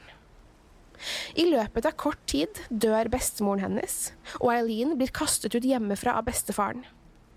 Hun forsøker å forsørge seg selv, men med begrensede midler og muligheter leder dette henne inn i prostitusjon. Tragediene kommer på løpende bånd for familien Warnus. Keith dør av kreft, bare 21 år gammel, og Laurie tar sitt eget liv. Uten annen familie å venne seg til, bestemmer Eileen seg for å forlate Michigan til fordel for Florida. 20 år gammel blir Eileen plukket opp langs motorveien av den 69 år gamle Louis Fell. I motsetning til mange av mennene Eileen er vant til å komme i kontakt med, er Louis en velstående mann, president i en av Floridas yachtklubber. Til tross for deres ulike bakgrunn forelsker Louis seg i Eileen, og de gifter seg kort tid etter. Dette kunne kanskje vært en redning for Eileen, da hun plutselig opplever økonomisk trygghet og blir presentert for en mulighet til å rømme fra sin utsvevende fortid. Men for Eileen er det ikke bare å starte på nytt med blanke ark. Hun er tilsynelatende ikke i stand til å føye seg etter samfunnets normer og regler, og fyller dagene med drikking og festing, som igjen leder til voldelige konfrontasjoner på utesteder. I løpet av deres korte ekteskap blir Eileen fengslet for en av disse episodene. Eileen behandler også Louis dårlig, og går ved flere anledninger fysisk til angrep på han. Louis innser raskt at ekteskapet var en stor feiltagelse, og han søker om skilsmisse etter få måneder. Det er åpenbart at Eileen Warners allerede her viser tegn til å være ustabil, antakeligvis ute av stand til å leve et normalt A4-liv. Etter flere mislykkede forhold og en stadig mer selvdestruktiv livsstil bestemmer Eileen seg for å ta livet sitt. Hun kjøper en pistol, men angrer seg. Dette leder istedenfor til at hun, kun iført en bikini, gjennomfører et væpnet ran av et supermarked, som igjen sender henne tilbake i fengsel. Når hun slipper ut, fortsetter Eileen i de samme handlingsmønstrene med prostitusjon og andre kriminelle aktiviteter, stadig like avhengig av alkohol og andre rusmidler for å holde seg gående. Eileen var nok nær ved å spinne ut av kontroll, kanskje igjen i ferd med å gi opp livet, før hun i 1986 traff Tyria Moore. Aileen og Tyria danner raskt en tett relasjon som virker mer stabil enn Aileens tidligere forhold. Dette virker å gi Aileen noe som kan ligne på en mening i en ellers så uutholdelig tilværelse. Tyria så ut til å respektere Aileen, og hadde ingen problemer med å la seg forsørge av henne, vel vitende om at Aileens inntekt kom fra prostitusjon. Eileen tjener riktignok ingen formue på sine virksomheter, og livene deres er langt fra glamorøse i denne perioden. De tilbringer kveldene i billige moteller, i forlatte bygg der de finner tak over hodet, eller i verste fall i skogen under åpen himmel. Snart vil riktignok Eileen finne en mer effektiv metode for å forsørge Tyria. Dette leder til den skjebnesvangre dagen der Eileen blir plukket opp av Richard Mallory, og Eileen tar sitt første menneskeliv. Eileen mente selv at hun hadde vært i livsfare da hun skjøt Richard, og at hun handlet i selvforsvar. Isolert sett hadde dette vært et ganske troverdig hendelsesforløp. Richard Mallory var tidligere dømt for overgrep og var kjent for sin utagerende livsstil. Eileens yrke medførte også høy risiko, særlig siden hun opererte langs motorveier, og hennes eventuelle forsvinning ville være vanskelig, kanskje til og med umulig, å spore. Det er derfor ikke vanskelig å tro på et scenario der Richard kan ha overfalt og forgrepet seg på henne. Det som i ettertid kanskje svekker Eileens troverdighet, er at hun over de neste tolv månedene dreper ytterligere seks menn, og at hun i alle disse tilfellene hevdet at hun handlet i nødverge. Det tar flere uker før noen oppdager kroppen til Mallory. Innen han blir funnet, er liket allerede begynt å råtne, og det må fingeravtrykk til for å identifisere ham. Politiet graver i privatlivet og fortiden hans, men dette leder ikke umiddelbart til noen nye oppdagelser i saken. Det tar seks måneder før Eileen dreper igjen. David Spears' nakne kropp blir funnet langs en riksvei. Han er skutt seks ganger, med et våpen av samme kaliber som det som tok livet av Richard Mallory. Kort tid senere blir liket av Charles Carscadden funnet, umiddelbart i en så nedbrutt tilstand at han ikke lar seg identifisere. Peter Seams blir Aileens fjerde offer, men hans lik blir aldri funnet. Likevel vil hans forsvinning bli utslagsgivende i Eileens avsløring. Politiet begynner allerede her å se konturen av seriedrap, alle mennene funnet drept på en lignende måte på avsidesliggende steder, direkte tilknyttet en større motorvei. Etter å ha gjennomført et drap ville Eileen antageligvis returnere hjem til Tyria, tilsynelatende stolt over hva hun hadde utrettet. Hun viftet med pengene hun hadde skaffet, og kom med lovnader om at livene deres ville endre seg til det bedre. Det er mulig drapet på Richard Mallory skiller seg ut, men det er mye som tyder på at Eileen fortsatte å drepe, da hun oppdaget at dette var en mye mer effektiv måte å skaffe penger, sammenlignet med hennes beskjedne inntjening som prostituert. I tillegg til å stjele penger, tok Eileen gjerne med seg verdifulle gjenstander som hun solgte hos pantelånere, og benyttet seg av bilene deres så lenge hun opplevde dette som trygt. Dette ville til slutt vise seg å lede til politiets mistanke mot Eileen, og til slutt hennes arrestasjon og dom. I juni 1980 krasjer nemlig Eileen og Tyria en av disse bilene inn i en busk på en privat eiendom. De oppfører seg mistenkelig, og når beboerne spør om de skal ringe etter en ambulanse, avviser Eileen og Tyria dette med begrunnelsen om at de ikke har forsikring. De kjører videre, men dumper bilen et kort stykke unna, hvor den snart blir funnet av politiet. Skiltene er fjernet, vinduene er knust, og de oppdager rester av blod på interiøret. Og den matcher beskrivelsen på Peter Seams bil, som på dette tidspunktet er meldt savnet. Politiet henter inn vitnebeskrivelser på Eileen og Tyria, og de blir med dette etterlyst, i første omgang mistenkt for Peter Seams forsvinning. Eileen fortsetter likevel i sitt nå vante handlingsmønster. Fra juli til november dreper hun Troy Burris, Charles Richard Humphreys og Walter Antonio. Med de mange påfallende likhetene mellom drapene blir en sammenheng nå tydeligere for politiet. Etter oppdagelsen av Seams bil ser de nå muligheten for at kvinnene som krasjet bilen hans, kan stå bak samtlige av disse drapene. Politiet ser det som lite sannsynlig at alle disse mennene ville plukket opp tilfeldige haikere langs veien, og at det antageligvis har blitt innledet en ikke-truende situasjon, som de igjen mener er mer sannsynlig dersom personen de plukket opp var en kvinne, og mer spesifikt en prostituert. Politiet begynner å motta tips fra mennesker som har observert Eileen og Tyria. De lærer snart at Eileen Warners har operert med flere pseudonymer, og at hun under en av disse navnene har pantsatt gjenstander stjålet fra blant annet Peter Sims og Richard Mallory. Den avgjørende detaljen blir funnet av Eileens fingeravtrykk på disse gjenstandene. Politiet finner matchende avtrykk i en gammel arrestordre for en kvinne ved navn Laurie Grody, et av Eileens gamle pseudonym, og dette hjelper dem i å identifisere Eileen som deres hovedmistenkte i saken. Eileen blir arrestert den 9. januar 1991. Hun tilbringer sin siste kveld i frihet på en bar ved navn The Last Resort, uvitende om at to menn hun har drukket med gjennom kvelden, i realiteten er politimenn i sivilt som har holdt øye med henne hele kvelden. Når de arresterer henne, forteller de Eileen at det er i sammenheng med arrestordren på Laurie Grody, noe som medfører at hun ikke tror hun er under mistanke for noen av drapene. Tyria blir til slutt politiets viktigste brikke i å sikre Eileens tilståelse. På dette tidspunktet var hun separert fra Eileen og bodde sammen med søsteren sin i Pennsylvania. Tyria innrømmer for politiet at hun kjente til Eileens drap, men ordlegger seg forsiktig, åpenbart klar over at hun kan fremstå som medskyldig. Hun forteller at Eileen hadde innrømmet hva hun hadde gjort allerede etter å ha drept Richard Mallory. Selv om Tyria kjente sannheten om drapene, fortsatte de å leve sammen med Eileen som hennes forsørger.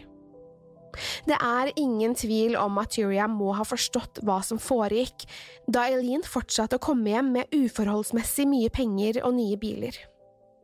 Tyria ba Eileen om å spare henne for detaljene i drapene, og mente selv dette var en kombinasjon av at hun ville føle seg forpliktet til å anmelde Eileen dersom hun lærte sannheten, men også fordi hun fryktet hva Eileen kunne funnet på å gjøre mot henne. Tyria samarbeider villig med politiet, og gjennom overvåkede telefonsamtaler forsøker Tyria å få Eileen til å innrømme sin skyld. Til å begynne med er Eileen forsiktig, vel vitende om at hun kan bli lyttet til, men etter hvert blir hun mer direkte i hva hun sier og innrømmer. Det blir åpenbart at Eileen har mye kjærlighet for Tyria, og hun presiserer at Tyria er helt uskyldig, og at hun ikke må bekymre seg. Kort tid etter dette tilstår Eileen alle drapene. Under tilståelsen holdt Eileen fast ved at Tyria ikke var involvert i noen av drapene. Samtidig er hun tydelig på at hun selv var et offer. Hun forteller dem at hun ble angrepet og voldtatt eller forsøkt voldtatt i alle tilfellene, og at drapene på alle syv mennene var siste utvei. Deler av historien virket å bli konstruert mens hun fortalte den, forsiktig med å ikke fremstille seg selv i et negativt lys. Samtidig var hun mer enn villig til å endre på historien sin underveis dersom hun så muligheten til å forbedre sin posisjon. Eileen var nok på mange måter et offer, og hadde vært det store deler av livet.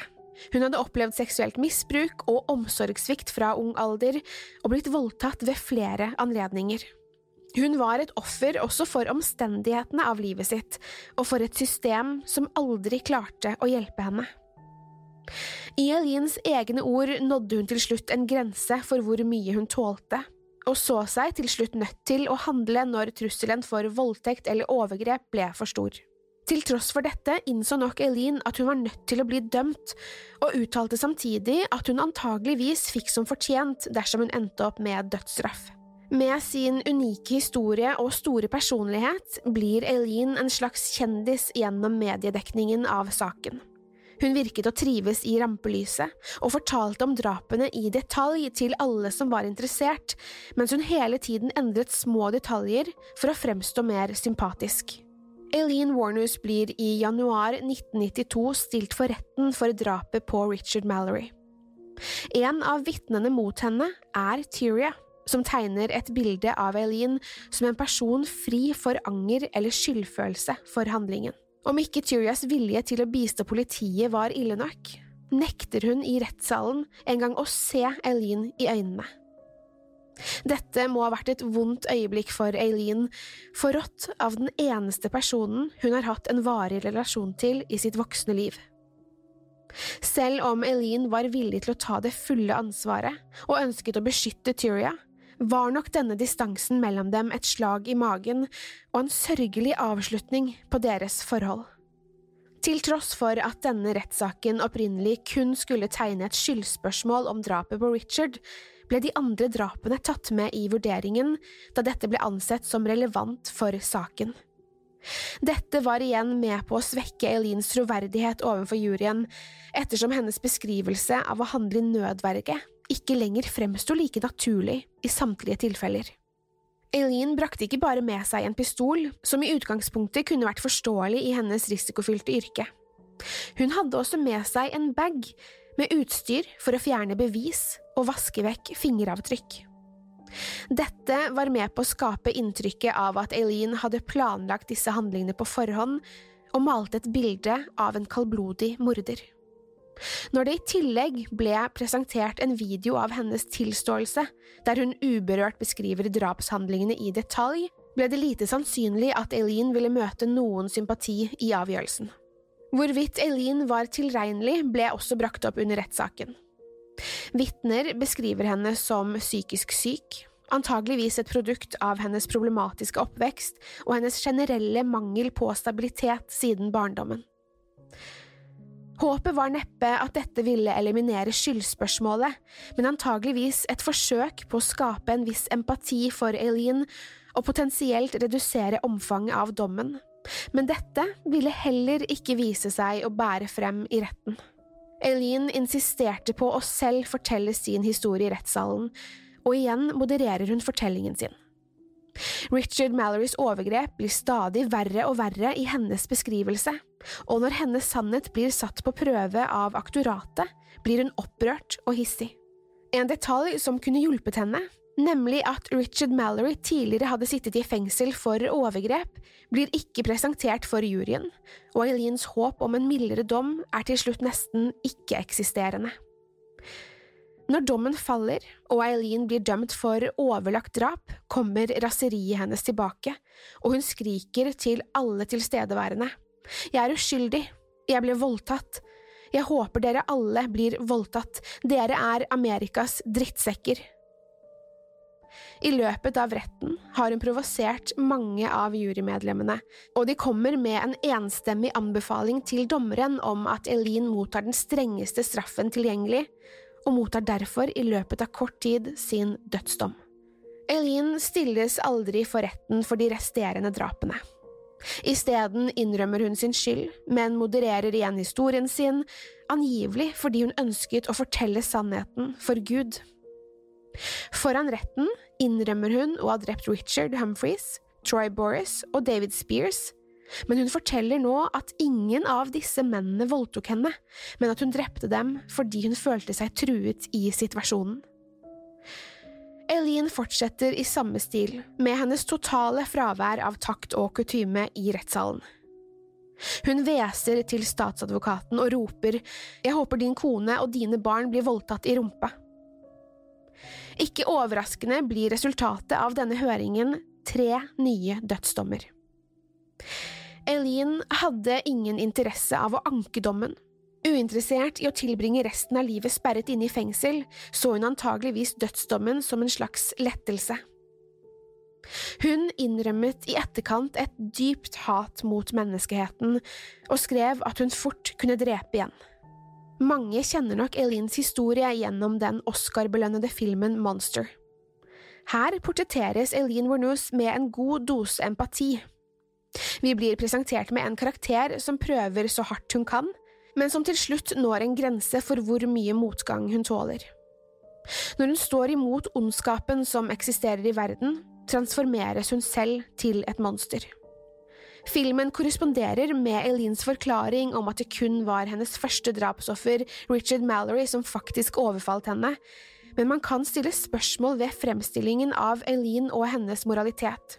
Filmen indikerer at Eileen kun var i stand til å drepe dersom personen hun møtte på var ond, eller dersom hun i det minste klarte å overbevise seg om dette, noe som heller er tvetydig med virkelighetens Eileen Warnoose. Uansett var filmen med på å bringe Eileens historie til massene, skapte en fornyet interesse for hennes liv og gjorde henne plutselig til en ikonisk filmkarakter, kun ett år etter hennes bortgang. Den 9. oktober 2002 blir Eileen Warners henrettet med giftsprøyte. Hun takket nei til et siste måltid, og valgte isteden en kopp med kaffe. Det virket på dette tidspunktet som Eileen var klar for å dø. Hun hadde funnet Gud, og så på sin død som en slags frelse, både for seg selv og sine drapsofre. Flere av familiemedlemmene til mennene hun hadde drept, møtte opp for å se henne dø, og Eileen møter dem med et stort smil. Hennes siste ord var et sammensurium av science fiction og religiøse allusjoner som på fascinerende vis henviser til både filmen Independence Day i samme åndedrag som Bibelen. Jeg vil bare si at jeg seiler med klippen, og kommer tilbake som i Independence Day med Jesus 6. juni, som i filmen, med et stort moderskip og alt. Jeg kommer tilbake. Klippen hun refererer til her, er antageligvis Gud, men budskapet i disse ordene forblir kryptisk. Hvorvidt det er et forsøk på å kommunisere noe dypere til verden, eller om det er usammenhengende babling fra en mentalt ustabil person, går til slutt tapt med Eileen. Det er vanskelig å vite om Eileen følte noen glede i drapshandlingene. Var hun kun motivert av behovet for penger, eller fant hun en dypere seksuell nytelse i å ta livet av disse mennene? Det er vanlig å lete etter en slags underbevisst drivkraft når man analyserer seriemordere og deres atferd, og ofte snakker man om et forsøk på å oppfylle en seksuell fantasi, eventuelt at følelsen av dominans er en drivkraft i seg selv. Det som skiller Eileen fra disse seriemorderne, er at de aller fleste andre i denne kategorien er menn. Eileen er langt fra den eneste kvinnen som står ansvarlig for drap, men dette mønsteret med tilsynelatende tilfeldig utvalgte ofre er mer forenlig med ideen om mannlige seriemordere. Dette var igjen med på å utvikle den dype fascinasjonen mange har for Eileen Warners og hennes historie. Flere av Elines ofre ble funnet nakne, som i utgangspunktet kunne antyde et visst seksuelt aspekt ved drapene, men kanskje dette bare var Elines måte å forsikre seg om at de var forsvarsløse før hun avfyrte pistolen mot dem. Følelsen av makt kan ha vært berusende for Eileen, men det er mye som tyder på at hennes mål med disse handlingene var ranene, og at drapene ble en nødvendig del av prosessen, en praktisk detalj for å forsikre seg om at hun ikke etterlot seg noen vitner som ville anmelde henne. Dette totale fraværet av empati for sine ofre sier i så fall mye om Eileens menneskesyn. Tidlig ble Eileens drap forsøkt beskrevet som motivert av et hat mot menn, som igjen ble forsterket av at hun var i et forhold med en annen kvinne. Dette til tross for at Eileen hadde hatt et forhold til flere menn i løpet av livet sitt, og antageligvis ville beskrevet seg selv som bifil. Det hadde ikke vært uforståelig om Eileen bar på en viss aggresjon mot menn, da hun gjennom hele livet hadde blitt behandlet forferdelig og opplevd både overgrep og voldtekt. Mye av Elins problemer kan i ettertid sies å stamme fra konsekvensene av påvirkningen til onde menn, hennes ustabile far, en alkoholisert og voldelig bestefar, og ikke minst overgrepet som ledet til at hun måtte føde og adoptere bort et barn som 14-åring. Listen med traumatiske episoder i Elines liv er lang og tragisk. Likevel uttrykte Eileen i større grad et hat mot menneskeheten som helhet, ikke utelukkende spesifikt mot menn. Det kan tenkes at menn ble hennes ofre i større grad av praktiske hensyn, da det var de som stoppet for å plukke henne opp langs motorveiene. Det er naturlig å tro at mye kunne vært annerledes dersom Eileen i sin barndom hadde hatt en viss stabilitet i livet sitt, en følelse av å ha mennesker rundt seg som tok vare på henne. Hennes tidligere utforskning av seksualitet, som igjen leder henne inn i prostitusjon, kan antageligvis ses på som en søken etter et bånd til andre mennesker, etter kjærlighet, men ender til slutt opp med å bli en destruktiv sirkel som Eileen aldri klarte å bryte ut av. Dette er selvfølgelig ingen unnskyldning for hennes valg om å ta livet av syv mennesker, men samtidig gir hennes historie en viss innsikt i en morders kompliserte og trøblete sinn. Eileen dør til slutt alene, slik hun hadde levd store deler av livet. Tyria er ikke blant tilskuerne, og de som er til stede, har møtt opp for å feire hennes død. Det er vanskelig å ikke føle en viss sympati for Eileen når man hører livshistorien hennes. Hun ble forlatt av alle menneskene som skulle være hennes omsorgspersoner, overlatt til seg selv fra en altfor ung alder og tvunget inn i et liv av prostitusjon.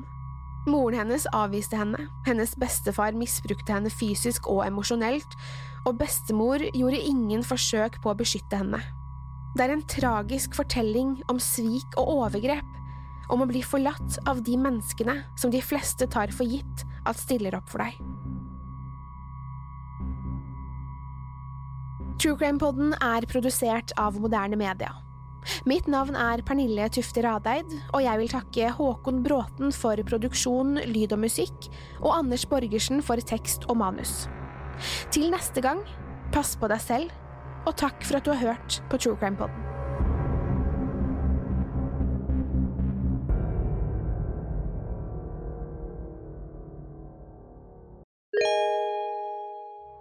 Vil du høre mer av True Crime Poden? Hver måned publiserer vi tre reklamefrie premiumepisoder på Podme. For å høre disse må du laste ned Podme-appen, eller gå inn på podme.com og bli premiumabonnent. Første måneden er gratis.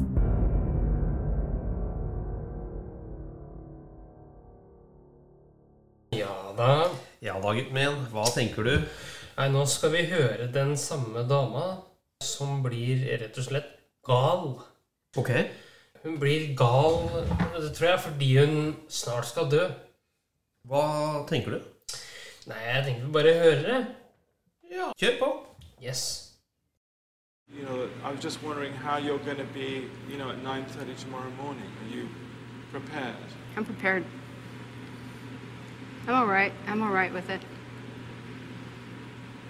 And how, I'm all right with it, but like I said, remember, tell, let them know that I know that the cops knew who I was after Richard Mallory died. I left prints everywhere, and they covered it up. And let me kill the rest of those guys to turn me into a serial killer. I know they did, because I was no professional serial killer or anything, or murderer, or whatever you want to call it. You know, wasn't professional at so, what I was doing. Eileen, how, I did how, some sloppy work, you know, and I left how prints. have you prepared yourself for tomorrow morning? I- I'm all right with it. Yeah, I'm ready to go. Hey, I was tortured at BCI. They had they had the intercom on in the room, and they kept lying that it wasn't on, and they were using sonic pressure on my head since 1997. Sonic pressure. And every time I was trying to write something, I, they and I, I think they had some kind of eye in the cell. I'm not sure, but every time I started writing something, it went up higher. So I'm thinking that probably had the TV rigged. The TV or the mirror, something was rigged. They got a huge satellite on the compound. After they put the huge satellite on the compound, it could have been either rigged to the TV set or the mirror or something. Because the electrician, when he put the mirror on the wall, he said, "Doesn't that look like a computer?" the back of it, and he stuck it to the wall. And do you think what did that affect your mind? Do you think? Huh? Did that affect your mind in some way? The sonic. It was crushing my head, and they were using sonic pressure continually.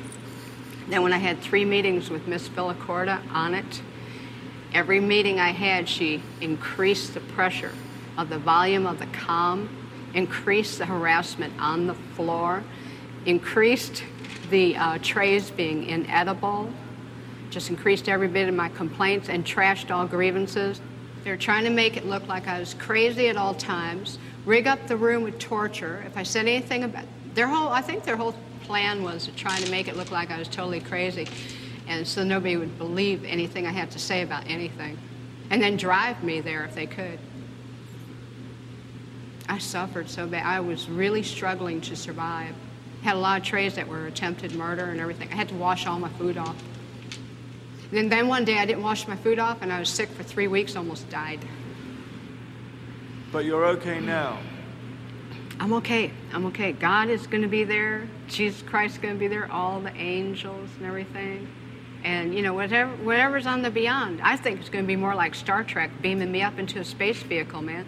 Then I move on, recolonize to another planet or whatever. But it's whatever's the beyond, I know it's going to be good because I didn't do anything as wrong as they said. I did the right thing. And I saved a lot of people's butts from getting hurt and raped and killed too.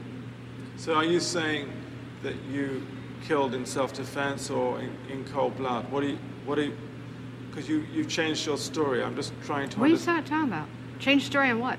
No, about whether it was self-defense or not. I'm not going to say, it, you know, I'm not going to get in depth about my cases, Nick. I'm on my way to the chamber, nothing stopping it. You can believe it or you don't have to believe it. That's up to you, man. Put a big question mark on your film. What more is there to say about the cops? what, what more do you want to say about the cops? A lot of stuff. Did you know that they were surveilling me before I killed? And then I knew it? And that it was covered up? Did you know there was helicopters dropping down from the sky, deputy sheriff, with decoys picking me up four or five months before my arrest? It was covered up? But nonetheless, Nobody ever asked me whether these the questions. cops were following you or not, Eileen. Oh, whether the cops were following me or not, Eileen, okay, what? Let's say, let's say the cops were following you. Yeah. Let's say they were following you Uh-huh. and they did everything that you're, you're saying they did. Uh-huh. Nonetheless, Yeah. you killed seven men. Yeah, sure and I'm asking you, what got you to kill the seven And I'm men? telling you because the cops let me keep killing them, Nick. Don't but you not, get it? Not everybody is killing seven people. So there must have been something in you that was getting you to oh, do you that. are lost, Nick. So I was a hitchhiking hooker. Right. Running into trouble, I shoot shoot the guy if I ran into trouble. Physical trouble. The cops knew it.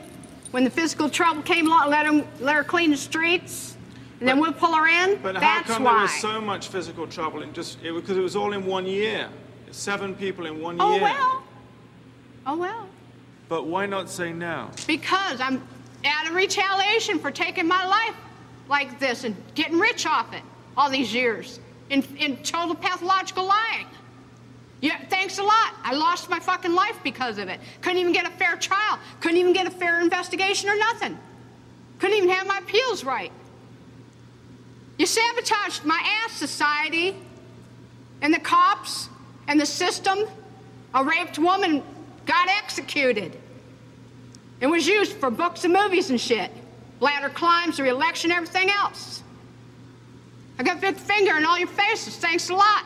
You're inhuman. You're an inhumane bunch of fucking living bastards and bitches, and you're going to get your asses nuked in the end. And pretty soon it's coming. 2019, Iraq's supposed to hit you anyhow. You're all going to get nuked.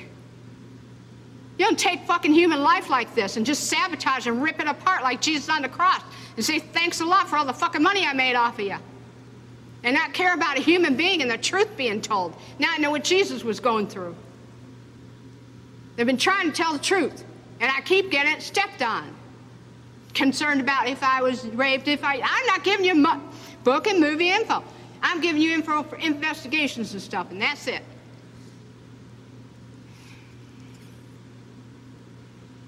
We're going to have to cut this interview, Nick. I'm not going to go into any more detail. I'm leaving. I'm glad. Thanks a lot, society, for railroading my ass. Okay, let's go.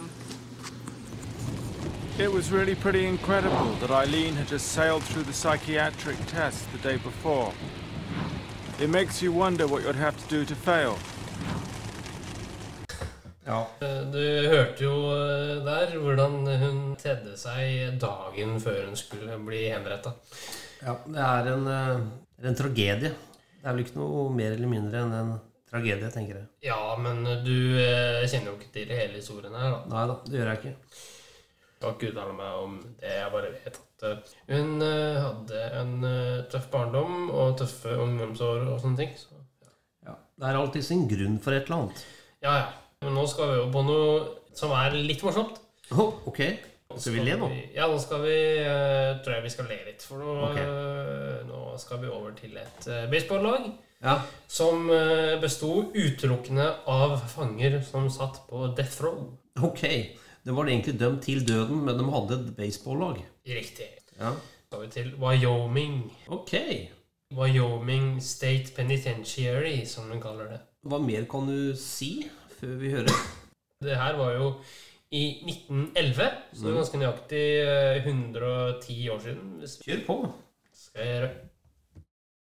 Wyoming, 1911. The sun shines down on a baseball diamond as a pitcher throws a fastball that doesn't go in the intended direction. He stamps a foot on the ground, enraged that he's messed up again. What he does over the course of this game is literally a matter of life and death. He's not just playing to win, he's playing to survive. As are his teammates, all convicted felons playing for the Wyoming State Penitentiary All Stars in the city of Rawlins. Murderers, robbers, men who've committed heinous crimes against the vulnerable, playing like seasoned professionals. This ragtag bunch of thugs and killers can play. There's no doubt about that. But the question is can they win their way to a new life? Let's go back to the start. When the Wyoming State Penitentiary was opened in 1901, it was one tough place. This was a time when the West was called wild and the outlaws pervaded the land. Still, not long before the prison was opened, you could say that criminals faced a rougher kind of justice if apprehended. Take, for instance, the story of the killer and robber Big Nose George Parrott. He was arrested in 1881 and was sent to the local jail in Rawlins. Big Nose, who certainly had quite the snout, must have thought his luck was in when he busted out of that jail. But it turned out that his rescuers were a local lynch mob. These townfolk weren't willing to wait for the authorities to deal with him. Around 200 of them strung Parrott up from a telegraph pole. Physicians managed to get hold of his body, but get this his skull ended up being someone's ashtray, and parts of his skin were made into a death mask and a pair of shoes. The third governor of the state of Wyoming, Mr. John Eugene Osborne, actually wore them to his inaugural ball. If that sounds grim, you should know that many crazy things went down these days. Opening a penitentiary for housing prisoners there was somewhat more progressive than mob rule. Still, if you found yourself locked up around the time of the beginning of the 20th century, you could be sure that you weren't getting much sympathy from the townspeople you had stolen from, beaten up, or killed. No one blinked an eye when rustlers and murderers were treated inhumanely by a well respected, eminently wealthy businessman named Otto Graham. You could say that this man made hay while the frontier crime rate was off the scales. He had a contract with the prison in the early days and pretty much ran the place. For every criminal that entered the prison, he received 57 cents per day per prisoner from the state. But he also ran the prison's broom factory and took all the profits from that. Inmates at the time complained that Graham was a man from the Dark Ages, saying that he had made the men work ungodly hours and barely fed them. They drank out of tomato cans and were given just enough food to prevent starvation. Rancid food at that. So, in the first decade of the 1900s, Wyoming State Penitentiary was hell on earth. But for Graham, it was a goose laying a lot of golden eggs. Not surprisingly, morale in the prison was low. Prisoners had tried to escape and were killed while doing so. They killed each other, and on occasions, guards were murdered. In 1911, the progressive Senator Joseph Carey campaigned to get rid of Graham, and after he won the governor's race, he made Sheriff Felix Alston the big boss in the prison. This man, who'd been a gold miner, a water and ice man, a farmer, a national park guide, and a justice of the peace before becoming a sheriff, didn't believe that working the prisoners close to hmm. death was a way to fix their wicked ways. The broom days were over, and instead of hard labor, prisoners were educated and also entered intense physical fitness programs. When they weren't doing those things, they were sent out in gangs to fix the state's roads. This was a breath of fresh air to the prisoners, some of whom had never even been outside since the prison opened. They were no longer making brooms and pining for a square meal, but were being fed and enjoying activities in the prison yard. What activity did they enjoy most? Baseball, of course, the USA's favorite sport at the time. One day, Warden Alston was watching the men play and he thought, God damn it, some of those men ain't half bad. In fact, he mused while watching the men hit balls over the uh-huh. wall and throw curveballs that some of them would stand a chance of becoming professional. Alston got talking to his old friend, Governor Carey, and asked him if it'd be okay if the prison formed a baseball team. Carey wondered if forming a prison team could be a bit of fun, and he gave Alston the green light. Carey was also partial to gambling. This will tie into the story soon. The men were bought brand new uniforms and practiced as if they were professional players. They called themselves the Wyoming State Penitentiary All Stars. And while the public thought the whole thing was a farce, the inmates would not only prove them wrong, but would change the public's perception of them. One person that absolutely hated the fact that the team had been made was Graham, who still held the belief that prisoners needed to be treated like animals. Not only that, he had the hopes that one day he might start his ultra profitable broom operation again. It was arranged that the All Stars would play their first game against a local team called the Wyoming Supply Company Juniors. No one gave them a chance, of course, because how could prison criminal vermin organize themselves and beat a team filled with real athletes? Imagine hearing the lineup. Leroy Cook at first, bludgeoned to death a barber and stole his money. On second, George Sabin, convicted of second degree murder. On third, Jack Carter, who shot and killed an old hermit, cut him up and burned his remains in the fireplace. Pitcher William Boyer stabbed his father to death with a letter opener. The date was set. On July 18, 1911, a team consisting of murderers, rapists, a forger, and five thieves would go up against the mighty Wyoming Supply Company Juniors. Alston had high hopes, so high that he put down quite a large bet that his team would win. The stakes were also high for the team. If you won this game, they might well get time off their sentence. But if they made a mistake that cost the team the win, well, no time off, and not much chance of them having their sentence commuted. That meant a life or death game for some of the death row prisoners, and by God, they took it seriously. They didn't want to end up having their skin made into a pair of shoes, a story that no doubt haunted them.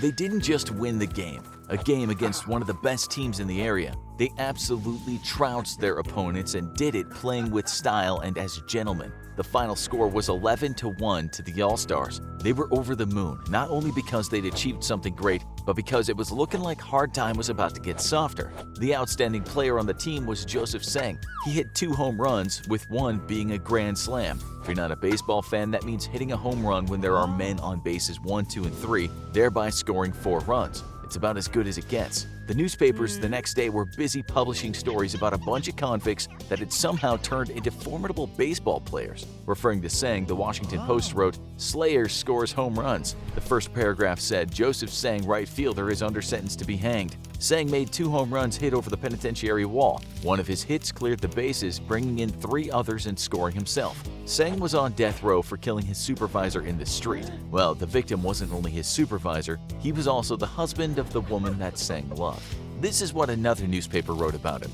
Joseph Sang, who was convicted of murder in the first degree and sentenced to death, played a classic game all the way through. He will petition the governor to commute his sentence to life imprisonment sometime this month.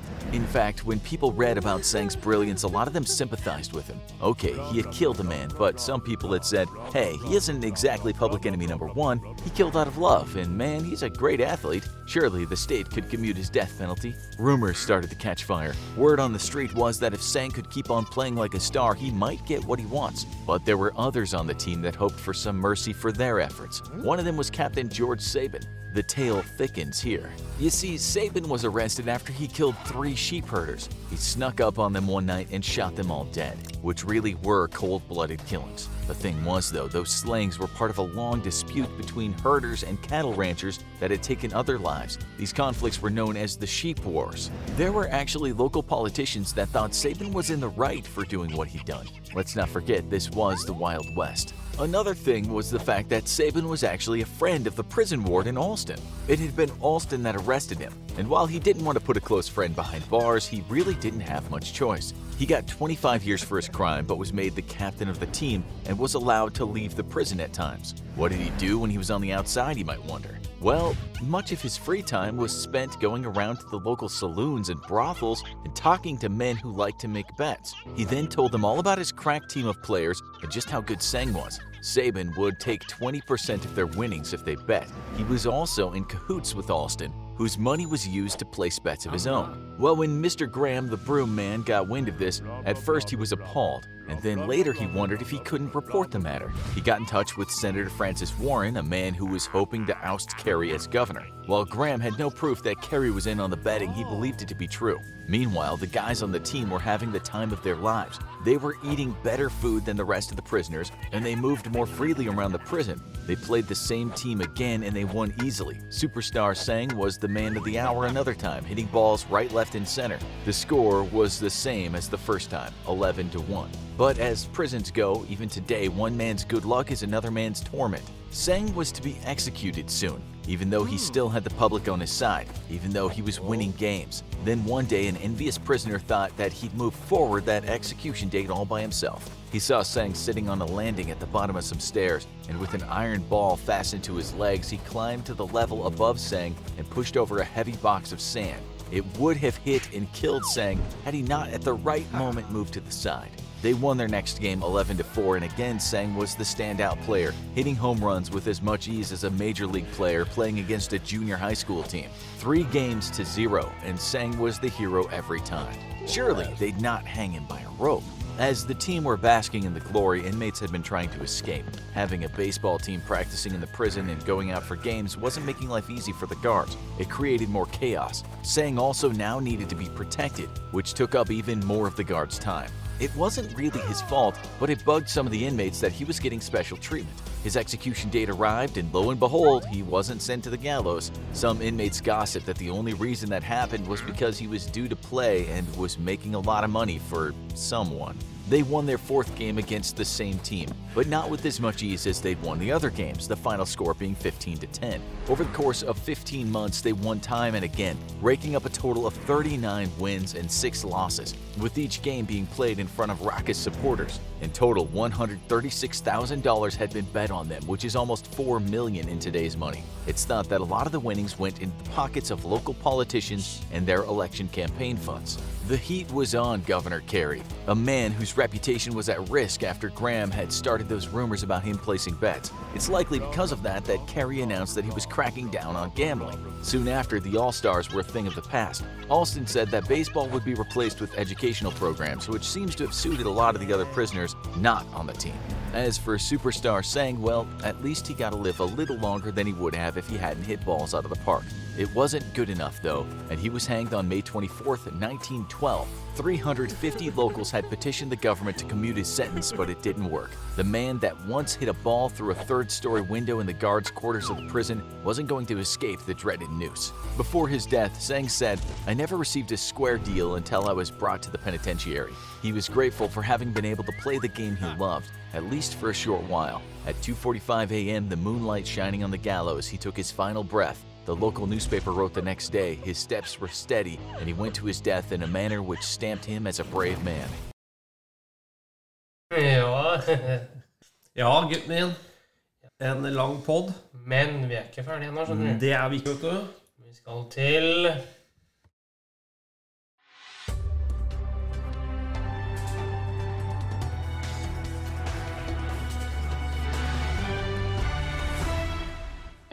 NRK-hjørnet.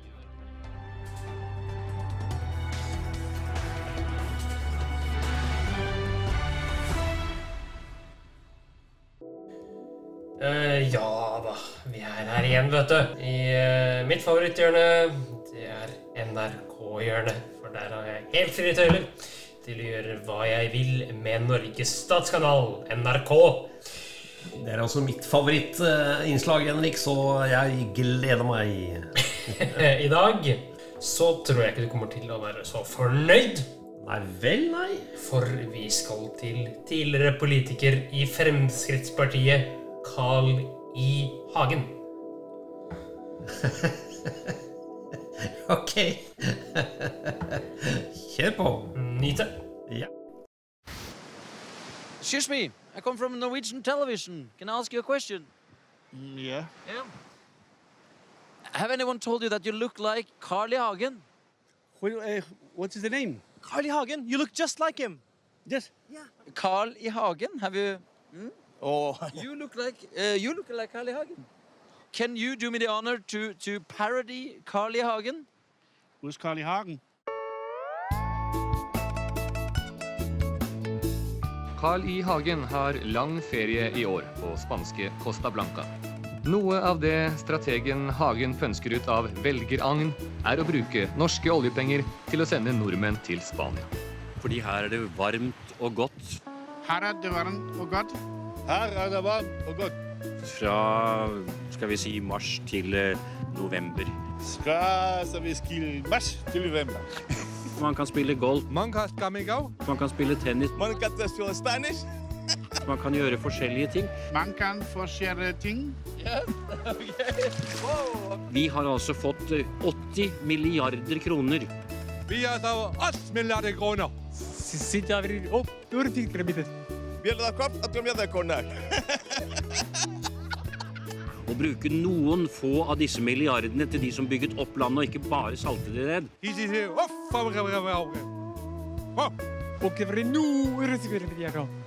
Det blir ikke noe press i innenriksøkonomien av det. Det blir ikke noe press i innenriksøkonomien, Edvard. Det blir sånn. Fantastic. You have done an amazing job. Okay, thank you. Bye.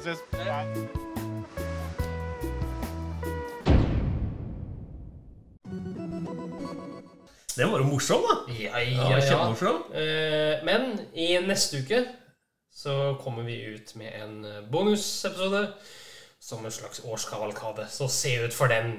Ja da, det gjør vi. Og hvorfor det, Henrik? Det er fordi eh, den 27. juli så er årsmarkeringen til podkasten. Og podkasten er da To år.